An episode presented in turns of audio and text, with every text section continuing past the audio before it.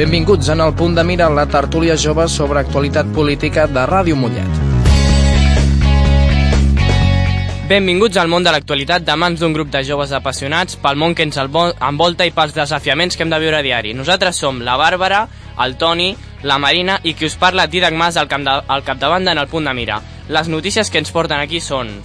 La victòria de la proposta d'Iglesias pel Congrés de Podem. La destitució del portaveu de l'Assemblea Regional del partit, José Manuel López, per Lorena, Lorena Ruiz Huertas, errejonista per, per pablista, al cap i a la fi. Els comentaris de Rejón a Twitter per a aquesta situació i resposta per part de, dels altres membres del partit com Pablo Echenique o el propi, el propi Ramon Espinal. Les paraules altament descriptives del director del periòdico, Enrique Hernández, Podemos entierra la dialéctica de los de abajo y de los de arriba para centrarse en la clásica lucha de poder de los partidos de siempre, los tuyos y los míos. El segrest i posterior alliberació d'un avió libi per part d'uns extremistes partidaris de Gaddafi i que pretenien promocionar un nou partit que segueix la tesis del dictador. La mort del responsable de la massacre del mercat de Berlín a Milà al ser abatut en un tiroteig i després de penjar un vídeo jurant la lleialtat a l'estat islàmic. La detenció a Tunísia de tres persones, entre elles el seu nebot, que formen part d'una cèl·lula terrorista que reclutava joves al país i també tenia influències a Berlín. L'accident al Mar Negre d'un avió militar rus amb 92 passatgers que ha estat trobat a gairebé 2 quilòmetres de la costa, havent recuperat 11 dels tripulants i seguint amb el procés d'extracció tant de l'aparell com dels integrants. El mòbil terrorista ha estat descartat per les autoritats russes, encara que es segueixen tenint en compte múltiples explicacions. Les autopistes que han hagut d'estar rescatades per l'Estat i que costaran 50 euros per ciutadà, un 45% de la pujada d'impostos impulsada pel govern, van patir una pujada de preus del 40% des de l'inici de la crisi. La següent, la protesta d'Israel i el seu primer ministre, Benjamin Netanyahu, a la ONU. Posterior a aquesta organització, determini diversos assentaments il·legals i, en conseqüència, el territori palestí eh, entre ells el mur de les lamentacions. La detenció del regidor de la CUP a Vic, Joan Coma, per incitació a la sedició, és a dir, a trencar amb l'ordre constitucional després de desobeir una citació prèvia per declarar davant el jutge de l'Audiència Nacional. El camí del referèndum fa un tom de mans de Puigdemont i s'adapta a les demandes d'Ada Colau per sumar recolzaments dins dels comuns, mentre que Esquerra Republicana de Catalunya i la CUP continuen mantenint la via unilateralitat. El Partit Ciutadans demana a Rajoy que estableixi mesures per, a, per evitar un altre referèndum com el del 9-N. Arriben a demanar les claus de les escoles.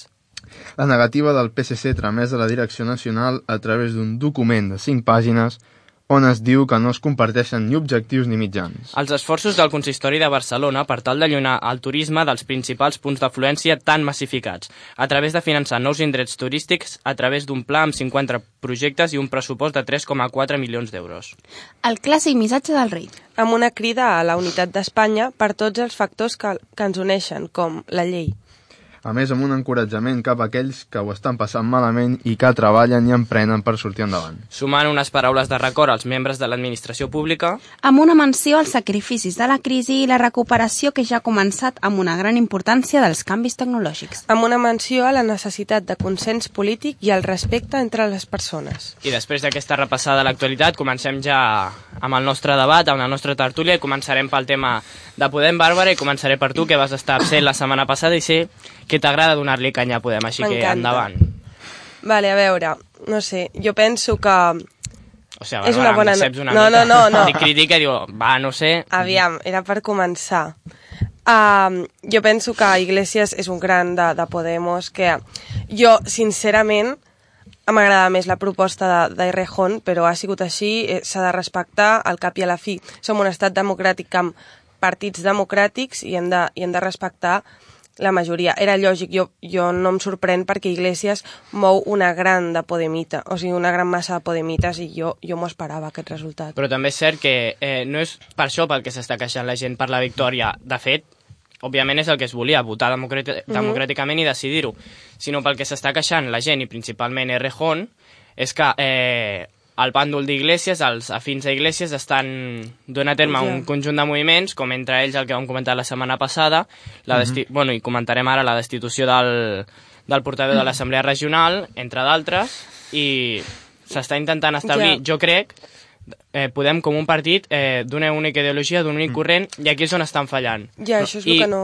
m'agradaria afegir, abans de tancar la meva intervenció en aquest aspecte, que l'àvia de, la considerada àvia de Podem, una senyora de 78 anys, ara no recordo el nom exactament, ha enviat un missatge per les xarxes i ha arribat eh, a Pablo Iglesias, en el qual demanava que no es fes aquest trencament dins de Podem, sinó que el que s'havia de fer era unificar les dues ideologies, quedar-se amb el millor de totes, és a dir, fer el que molts cops mm, diem que no fa l'esquerra, que és treballar conjuntament. I aquest és el gran error que té l'esquerra i que està tornant a passar amb Podemos. Uh, jo penso que aquesta mena de neteja de bruixes que està fent Iglesias traient tots els errejonistes de, del comando de Podemos és, és una manera de prevenir-se ell mateix, però penso que l'està s'està equivocant molt. Penso que s'està equivocant perquè és el que diu la iaia de Podemos, no? que s'ha d'unificar i s'ha d'intentar crear una gran esquerra, no molta, moltes de petites.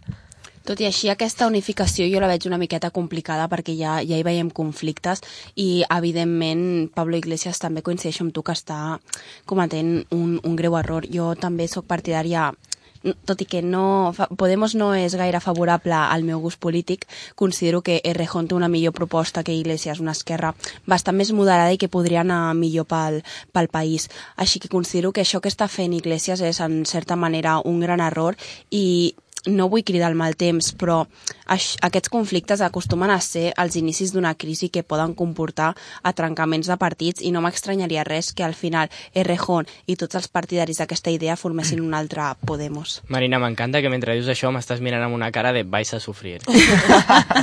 Toni, Sí, a part del que comentaven les companyes, està bé no? que dintre d'un partit hi hagi, hi hagi debat i hi hagi diferents corrents, però també crec, una cosa que no s'ha comentat, que és tot l'espectacle mediàtic que han donat els diferents bàndols i que crec que també és bastant innecessari. Que hi ha altres Ja. partits que també traien el PSOE, que encara va ser un espectacle més important, però altres partits, com per exemple el PP, que sí que hi ha també diverses corrents, però no, no, no es veu tant, no, no discuteixen tan públicament, sinó que ho fan dintre del partit. Jo això ja ho vaig dir un, un dia d'aquests que no, em sembla que mostren la feblesa del partit i penso que Mm. és inútil perquè és, ara per ara és la és l'única opció grossa d'esquerres que tenim com perquè estiguin demostrant que no són tan forts com semblaven amb, aquest, amb aquesta tonteria. Penso que no estem parlant d'un PSOE-PP, no són tan diferents com per no trobar punts en comú i tirar endavant el, el partit Podemos, que ha sigut una alliberació pel poble espanyol, penso. Exacte, jo crec que el problema no està en la ideologia, sinó en la mentalitat de eh, haver d'assumir pensaments que potser no són tan Tot i que eh, ideològicament Errejón busca també a, a treure gent de la, del centre-esquerra, gent del Està PSOE, clar, està clar. i en canvi Iglesias pues, mira més cap a l'esquerra, no? I això també és una cosa que s'ha de tenir en compte. Però és que eh, Iglesias no considera que lo de Rejón, al cap i a la fi, és una estratègia que pot ser molt positiva perquè Sí, sí. A, aportem a nous votants. Si realment vols un Ja, canvi del però- país hem d'aconseguir aquests votants. Sense estar en el poder no podem aconseguir grans canvis. Per tant, és una bona estratègia intentar Sí, sí. atreure aquests votants per tal d'aconseguir arribar al poder i realitzar tots aquest, ca Sí, sí, aquests Però, canvis Marina, que volen. aquí arribes a la dicotomia entre votants o fidelitat. Clar. Perquè tu ja tens eh, un conjunt d'electorat al qual eh, està satisfet amb la teva ideologia i que potser una modificació d'aquesta, una modificació parcial, doncs faria perdre. Llavors Clar. potser no guany... acabaries per no guanyar res. Però llavors també acabaria sent una continuació de- d'Izquierda Unida, realment. Home, està, està clar que l'espai ideològic de Podem està entre Izquierda Unida i el Partit Socialista i Clar. aquí molts cops Clar. mm, no hi ha una línia establerta, sinó que és bastant, està bastant difós. No, no, jo el que penso és que és això que deia el Didac, que hi ha un punt en què has de plantejar-te en què ets més fidel si aconseguir votants o a la teva ideologia. Jo penso que s'ha de i que ser... a mi encara la ideologia de Podemos no m'ha quedat clara, eh? Sigui, això també és una cosa que hem de debatre algun dia, Ja, perquè... Sí, no? Com la, com la, com la de Ciutadans. Clar, és que tampoc estem per queixar-nos. Home, Ciutadans es va definir la setmana passada. Mira, normalment has, de, has declarat uh, neutre. Sí, no Ara ja no s'han abstingut de. Clar, clar, de definir la seva ideologia. I Clar, ara clar, canviarem ja clar. de, canviarem de tema i m'agradaria parlar d'un tema del qual no s'està parlant gaire però que realment té una gran importància pels ciutadans, que és el tema de les autopistes. Les Jo ja. autopistes han hagut de ser rescatades per l'Estat, les autopistes eh, que principalment estaven per la zona de Madrid, les quals no tenien prou afluència com per mantenir-se i estaven en un estat bastant deplorable i això ha fet que hagin hagut, eh, hagut de ser, eh, que hagin hagut de ser rescatades.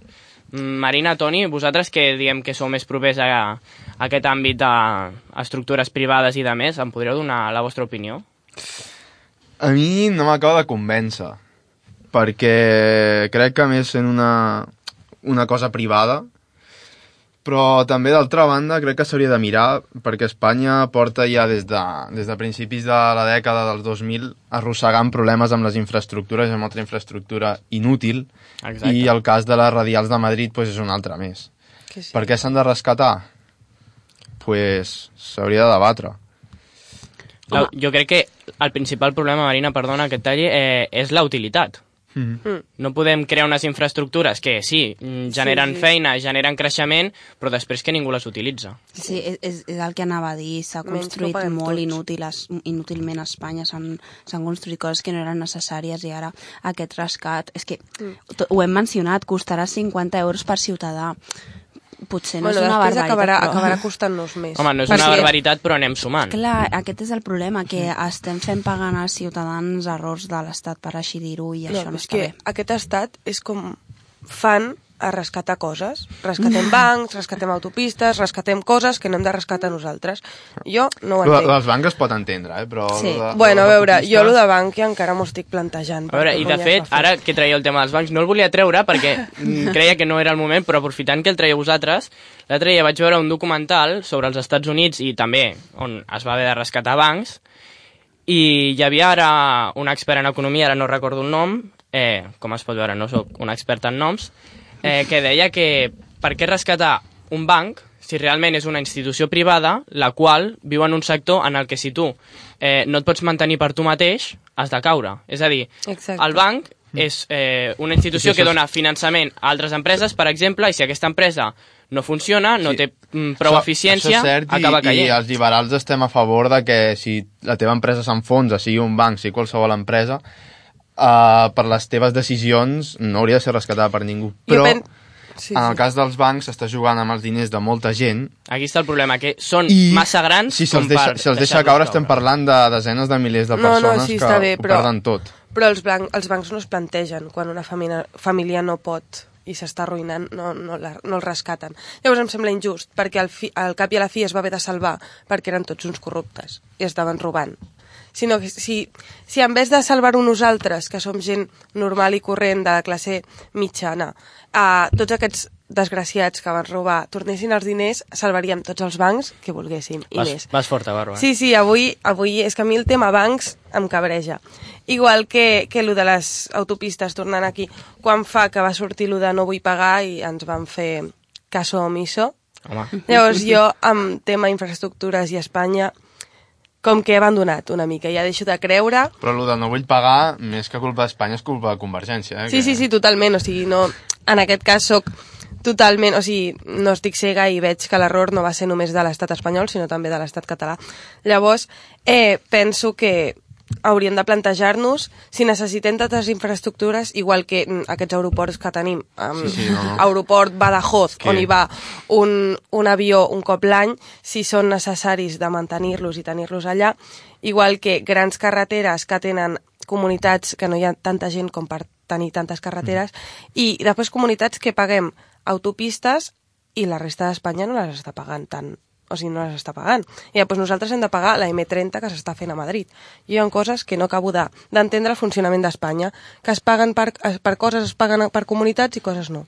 I també m'agradaria fer un incís perquè és un tema que no hem comentat al principi però que sí que ha sonat molt en el dia d'avui i aprofitant que estem amb el tema de la mobilitat i els transports i és el fet de que a Madrid, per exemple, avui només s'hagi deixat circular els cotxes amb matrícula imparell pel fet de la contaminació marina. Aquest riure era Bueno, això d'aprovació, de desaprovació, de crítica...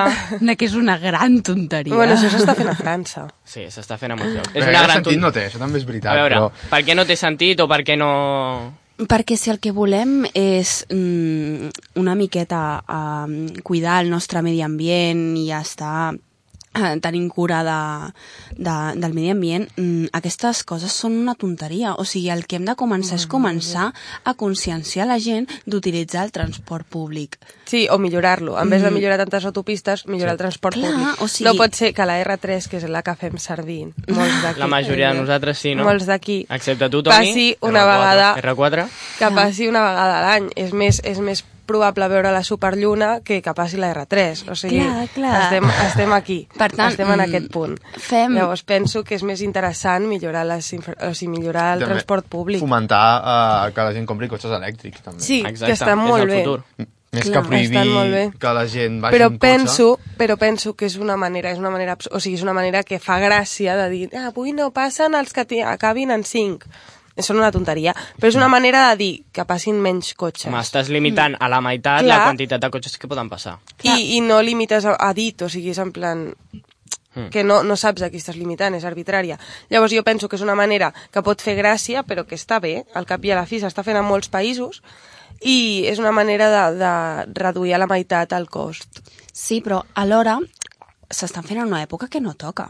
O sigui, parem-nos a pensar. Per què no toca? Mira, jo... jo, jo... Perquè fa fred, Marina? No, no és que faci fred, però és època de Nadal, hi ha molt trànsit de gent. Les, Més totes així aquelles... és més còmode agafar el tren. Sí, bueno, més còmode o incòmode. Això depèn de com es vegi. El que m'estic referint és que moltes empreses tenen ara mateix el seu boom de vendes. Llavors, eh, totes, tots els canvis, les distribucions, camions, etc etc, tota aquesta mobilitat que es necessita fer d'una manera àgil, amb aquesta nova normativa estem impedint i estem creant atascos, en, que això és una cosa de la que no es parla i vulguis que no, ens veiem tots una miqueta més afectats. Atascos? I, Per què? pa, perquè el que fas és, mm, o com s'ha fet a Madrid, que es tallava una part d'un carrer o alguna cosa així. Sí, a la Gran Via. A la Gran Via. Dius, mm, són coses que no toquen. Si realment el que vols és cuidar el medi ambient, fomentes el transport públic, el millores i fas aquestes coses. Però això el que està fent és, en certa manera, també perjudica empreses. Però, O sigui, Marina, jo crec que aquí ens estem, ens estem equivocant, perdona que et talli. Perquè, quin és l'objectiu d'això? Millorar la, la, el medi ambient. Doncs llavors les empreses queden en un segon pla. I ho sento molt. No, vale, vale, I que a més, com, un segon pla. com més gent Però- tinguis caminant pel carrer, més gent entra a les botigues. Tu quan vas en cotxe no saltes no, per entrar a una botiga. Vale, I tot és de botigues? Però- no, però també s'ha- i, i el comerç per internet? Clar, Sí, home, però primer no va- es pot primer millorar va- uns i empitjorar els altres. Primer va al, al món, en plan la terra, i cuidar-la. Si volem botigues, hem de tenir un lloc per ficar-les. Si destruïm el món i el planeta, no hi tenim botigues, ni tenim empreses, ni tenim res. Clar que sí. I eh, no és normal que a desembre tinguem aquesta calor. És veritat, Sí, i hem sí, de ser veritat. conscients en això. Llavors, hi han d'haver, amb, amb casos desesperats, mesures desesperades. Llavors, les botigues i les empreses, ho sento moltíssim, però són un segon pla. Si vols comprar regals, te'n vas caminant, te'n vas fent el Via Crucis. És igual que no tinguis cotxe. És una jo, tonteria. Jo entenc, jo ho entenc, val? però és una cosa que s'ha de contemplar, que hi ha, hi ha maneres millors de fomentar aquesta millora al Estic medi d'acord, ambient. és una manera. Jo penso que també hi ha d'haver un, un bon màrqueting a favor de uh, el transport És públic. una manera útil a curt termini, Hmm. Que és el que es pretén. Reduir Clar. la contaminació ara mateix. Ja. que la reducció Però de fet- contaminació Però que tampoc S'ha fet a molts països. que- Si s'ha fet a tants països és per alguna és perquè deu funcionar. És un impacte ja. Perquè, Tampoc és res de l'altre món. no, però els cotxes cada vegada Els suposen... atascos que he agafat jo ara venint cap aquí... També... Ja, ja, ja, totalment. Això també gasta Però, bueno, benzina, eh? I mentre que estàs parat també gasta i també contamines. O sigui que Sí. és un avenç mm, tan cutre que No, no, podríem jo per no tenir- dient, eh? per no tenir no tinc ni Això cotxe, no és un avenç. És una mesura a curt termini. Està clar Sí. que el que s'ha de fer és O sigui- fomentar el transport públic i això mateix, eh, per exemple, Ada Colau ja ho està fent. Està impulsant eh, mitjans perquè el transport públic, eh, no sé si és que sigui més, eh, més econòmic els dies de major contaminació Sí. o alguna cosa així, Sí, sí, sí, alguna així, escolta. o Està molt bé. mm, augmentar l'edat a la que poden entrar els nens de forma gratuïta, és a dir, està multiplicant les opcions i això hauria de venir recolzat per una millora de les infraestructures, que és el que Clar. comentàvem. Clar, a veure Però si és això veritat. no és cosa nostra. Sisplau, que comencin per Hem de l'R3, seguir- perquè això ja Sí. és insostenible, de veritat. I ara, eh, passant ja a un altre tema, Bàrbara, m'agradaria començar amb tu. Eh, parlem de la, detenció, eh, la detenció del regidor de la CUP, de Joan Coma, Sí. i de la seva llibertat amb càrrecs després de haver o no haver declarat, perquè realment no ha, No, no, no ha no, portat no. gaire cosa. No va dir res. Eh, No, llavors, mm, aquest show, aquest espectacle, això, És part, és part de, del que és la CUP. del, del que és la CUP, conscient. però... mm, Del, o sigui, de la manera de cridar l'atenció i de fer-se veure que té la CUP. Igual que cremar fotografies del rei.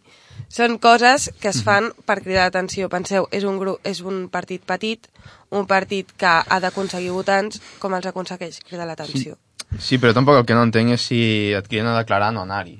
No, i això sí que ho entenc, perquè t'està cridant l'Audiència Nacional, no et dona la gana d'anar, no hi vas. O sigui, tu et demana la justícia anar a declarar... Bueno, jo no sí hi que hi vas, aniria, No, no. jo sí que hi aniria, però entenc que la CUP, que és un, Pots- pa és un partit radical català, Pots, pots no fer-ho, eh? però evidentment t'hauràs d'atendre les conseqüències també. clar, clar, però mira, jo penso que ho ha fet, no ho ha fet i s'ha atès a les conseqüències i ja està. Però que no diguin que si Espanya en reprimeix, no, t- tenen les conseqüències aquests No, actes. no, no, sí, totalment, o sigui, jo això mm, no ho estic defensant, com pots comprovar. Penso que és una, man és una opció tan vàlida com qualsevol altra, això sí, presentar-t'hi, no presentar-t'hi, allà tu. Sí, sí. Tinc, hi ha un punt que ho entenc perquè és una audiència nacional espanyola i no vol presentar-s'hi, penso que està en el seu lli el lliure dret i entenc que no vulgui uh, fer cas amb un país en el que no se sent identificat, com és Espanya. Llavors, sí ja que, està. sí que penso que la CUP s'està s'està accedint amb aquestes cridades d'atenció i penso que s'hauria de posar més per, al, per a la lluita contra bueno, la lluita cap a un país que és Catalunya, que és la seva funció principal, I, i, realment- lluita per coses que tinguin més pes i Sí, més sí. transcendència. Eh, Estic jo soc la primera que sóc supercrítica amb, amb el partit que penso que recolza més les meves ide- ideologies. Soc supercrítica perquè penso que, que l'està, o sigui, s'està equivocant, està fent tonteries i hauria de centrar-se més en el seu objectiu. I de fet està perdent la seva via que diem que la CUP és més propera a la unilateralitat Mm. I el, parla, bueno, Junts pel Sí, mm, més concretament el Partit Demòcrata, està sent més procliu a, a, a ser favorable a les tesis d'Ada Colau, que també busca un referèndum pactat Sí, per, sí. per d'aquesta forma atraure més gent cap a l'independentisme. Llavors jo crec que aquí la CUP té un front obert i que no està tenint prou Jo en penso- compte el que està passant. Jo penso que la CUP, el problema que té és que no és diplomàtica. O sigui, ha d'entendre que perquè ells tinguin les idees superclares no vol dir que la resta de la població ho tingui. Hi ha moltíssima població que no té coneixement polític i se, la, se li ha de donar una mica de canxa. O sigui, no pot ser, és això i punto. Se li ha d'explicar les coses, s'ha de ser una mica més suau. No vol dir que tu no defensis els teus I ideals i que tu no vols... Proposar coses sèries, també. Bueno, de la CUP. Per exemple, la treure a Colón i al- algunes borrades que s'han plantejat des de la CUP, pues, o sigui, realment... Bueno, Colón és un símbol. S'haurien Colón de és revisar, símbol, no? Col- I proposar coses sèries. Jo no estic d'acord amb, amb No, no traiem amb ara el tema de Colom. Perquè Ja- aquí ja ha és- passat. Sí, sí. Mm, No, a veure, està són coses, enterrat. són coses més o menys importants, però que al cap i a la fi estan allà i que en algun moment s'hauran d'abordar. Llavors, eh, és que ja no me'n recordo ni per on anava. Uh, jo penso que que la CUP, el problema que té és que s'ha de centrar, ha de, ha de ser una mica més suau i d'explicar una mica més als seus votants les coses, perquè parlen de tantes coses, de tants problemes, tenen tants fronts oberts que jo penso que s'han de centrar més. I amb, amb aquesta reflexió tallarem i m'agradaria dedicar unes paraules, una estona, al, al famós missatge del rei. Eh, jo... A veure, jo haig de reconèixer que no el vaig veure en directe, Sí, sí, i sigui, el vaig va- veure va després, el vaig veure després per internet, i, bueno, bàsicament me l'he mirat per comentar-lo ara al programa, i Sí, m'agradaria dir que, tot i que no estic d'acord amb el que diu perquè realment Para nada, mm, però para nada. trobo que no em representa, ho dic així de clar, però sí que crec que ell es creu el seu discurs i que la gent que confia en ell eh, li ha fet creure. Home, a Trobo veure, que ha estat un discurs bastant bo mm, pels que el volien escoltar. Penso que té un ús de la retòrica bastant bona. Però penso que està va dient... ser un Una... molt bon discurs. Sí, sí, sí, parla molt bé, però diu unes tonteries com una casa de pagès. I és un fatxa, és un fatxa i pff, a mi se'm va quedar aquí. Ho vaig haver de mirar perquè havia de venir aquí a parlar d'això. Bueno, Però és que si no, no, no ho és, hagués és, és mirat. el rei d'Espanya, no, evidentment no... No, I a més, evident- no, es, no, no es posiciona. No es Pren el- posiciona, el però de deixa, Catalunya. entendre, però deixa entendre moltíssim la seva... Sí, jo això de que no es posicioni tampoc ho Vamos. acabo de veure, eh? Diu... Mm, En quan s'ha posicionat traient el tema diu, de no Catalunya. quiero quemar a los catalanes, això no ho diu.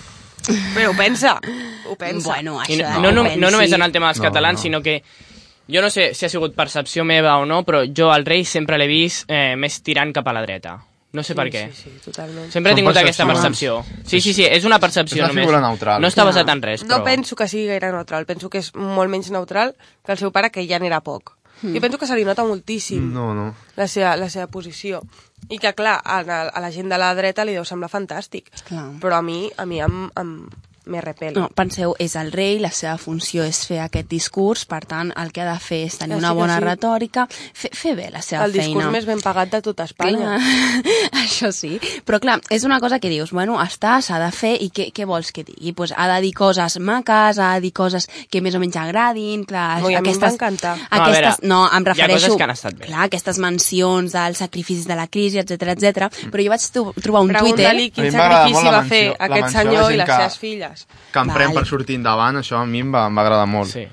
Eh, jo volia comentar, és que vaig trobar un Twitter que em va semblar molt graciós i sé que a la Bàrbara li agradarà moltíssim, un, un tuit que deia El rey hablando de dificultades económicas es como cuando el cura te daba la charla de sexo en el cursillo prematrimonial. Igual, igual, totalment. Exacte. Aquesta és la part que jo crec que no representa la gent, perquè com No. una persona que està vivint de l'Estat Però- i cobra uns diners importantíssims per ser una figura que ningú ha escollit, et pot parlar de pobresa. Que el rei parli eh, que hem de mirar cap a, Però llavors, per cap a parlar la de innovació... pobresa has tan- d'agafar una persona de canya real i posar-la de cap d'estat. És No, que per parlar de no, pobresa no has, de, has, de, has de tenir una persona que tingui nocions sobre la pobresa. Sí, que hagi viscut a la, a la pobresa, que hagi estat amb gent pobra. Però és, Llavors és jo el rei no d'Espanya, parlar. què vols que el rei, digui? no, que el rei Que- se'n vagi a fer voluntariats. Com que té tant temps lliure, que vagi a fer voluntariats. I amb, amb això ens quedarem perquè ja ens estem quedant sense temps i m'agradaria arribar a la reflexió final. Marina, començarem per tu, que veig que tens ganes i m'estàs mirant encara, deixa'm parlar. Va. No, no, no, és que m'agradava molt aquest tema del, Sí, del sento. discurs del rei perquè Se era bastant temps. salseante, així que viva el rei. Et quedes amb això, viva el rei? Sí, claro que sí. Jo em quedo amb, amb el terrible accident de, de l'avió rus, a més de, Sí. del, del coro Alexandrov, que és un coro que admiro molt. I la veritat, eh, vaig estar bastant impactat quan va passar i una forta abraçada a tots els russos. Jo volia dir el mateix que el Toni, però ja que estem amb el rei, li dic que se'n vagi a Càritas i que ajudi. Doncs jo tancaré aquest programa, desitjaré molt bones festes als nostres col·laboradors i a tothom a qui ens està Ah, sí? escoltant. Igualment. I això ha estat tot aquesta setmana i ens veiem aquí la setmana vinent a Ràdio Mollet.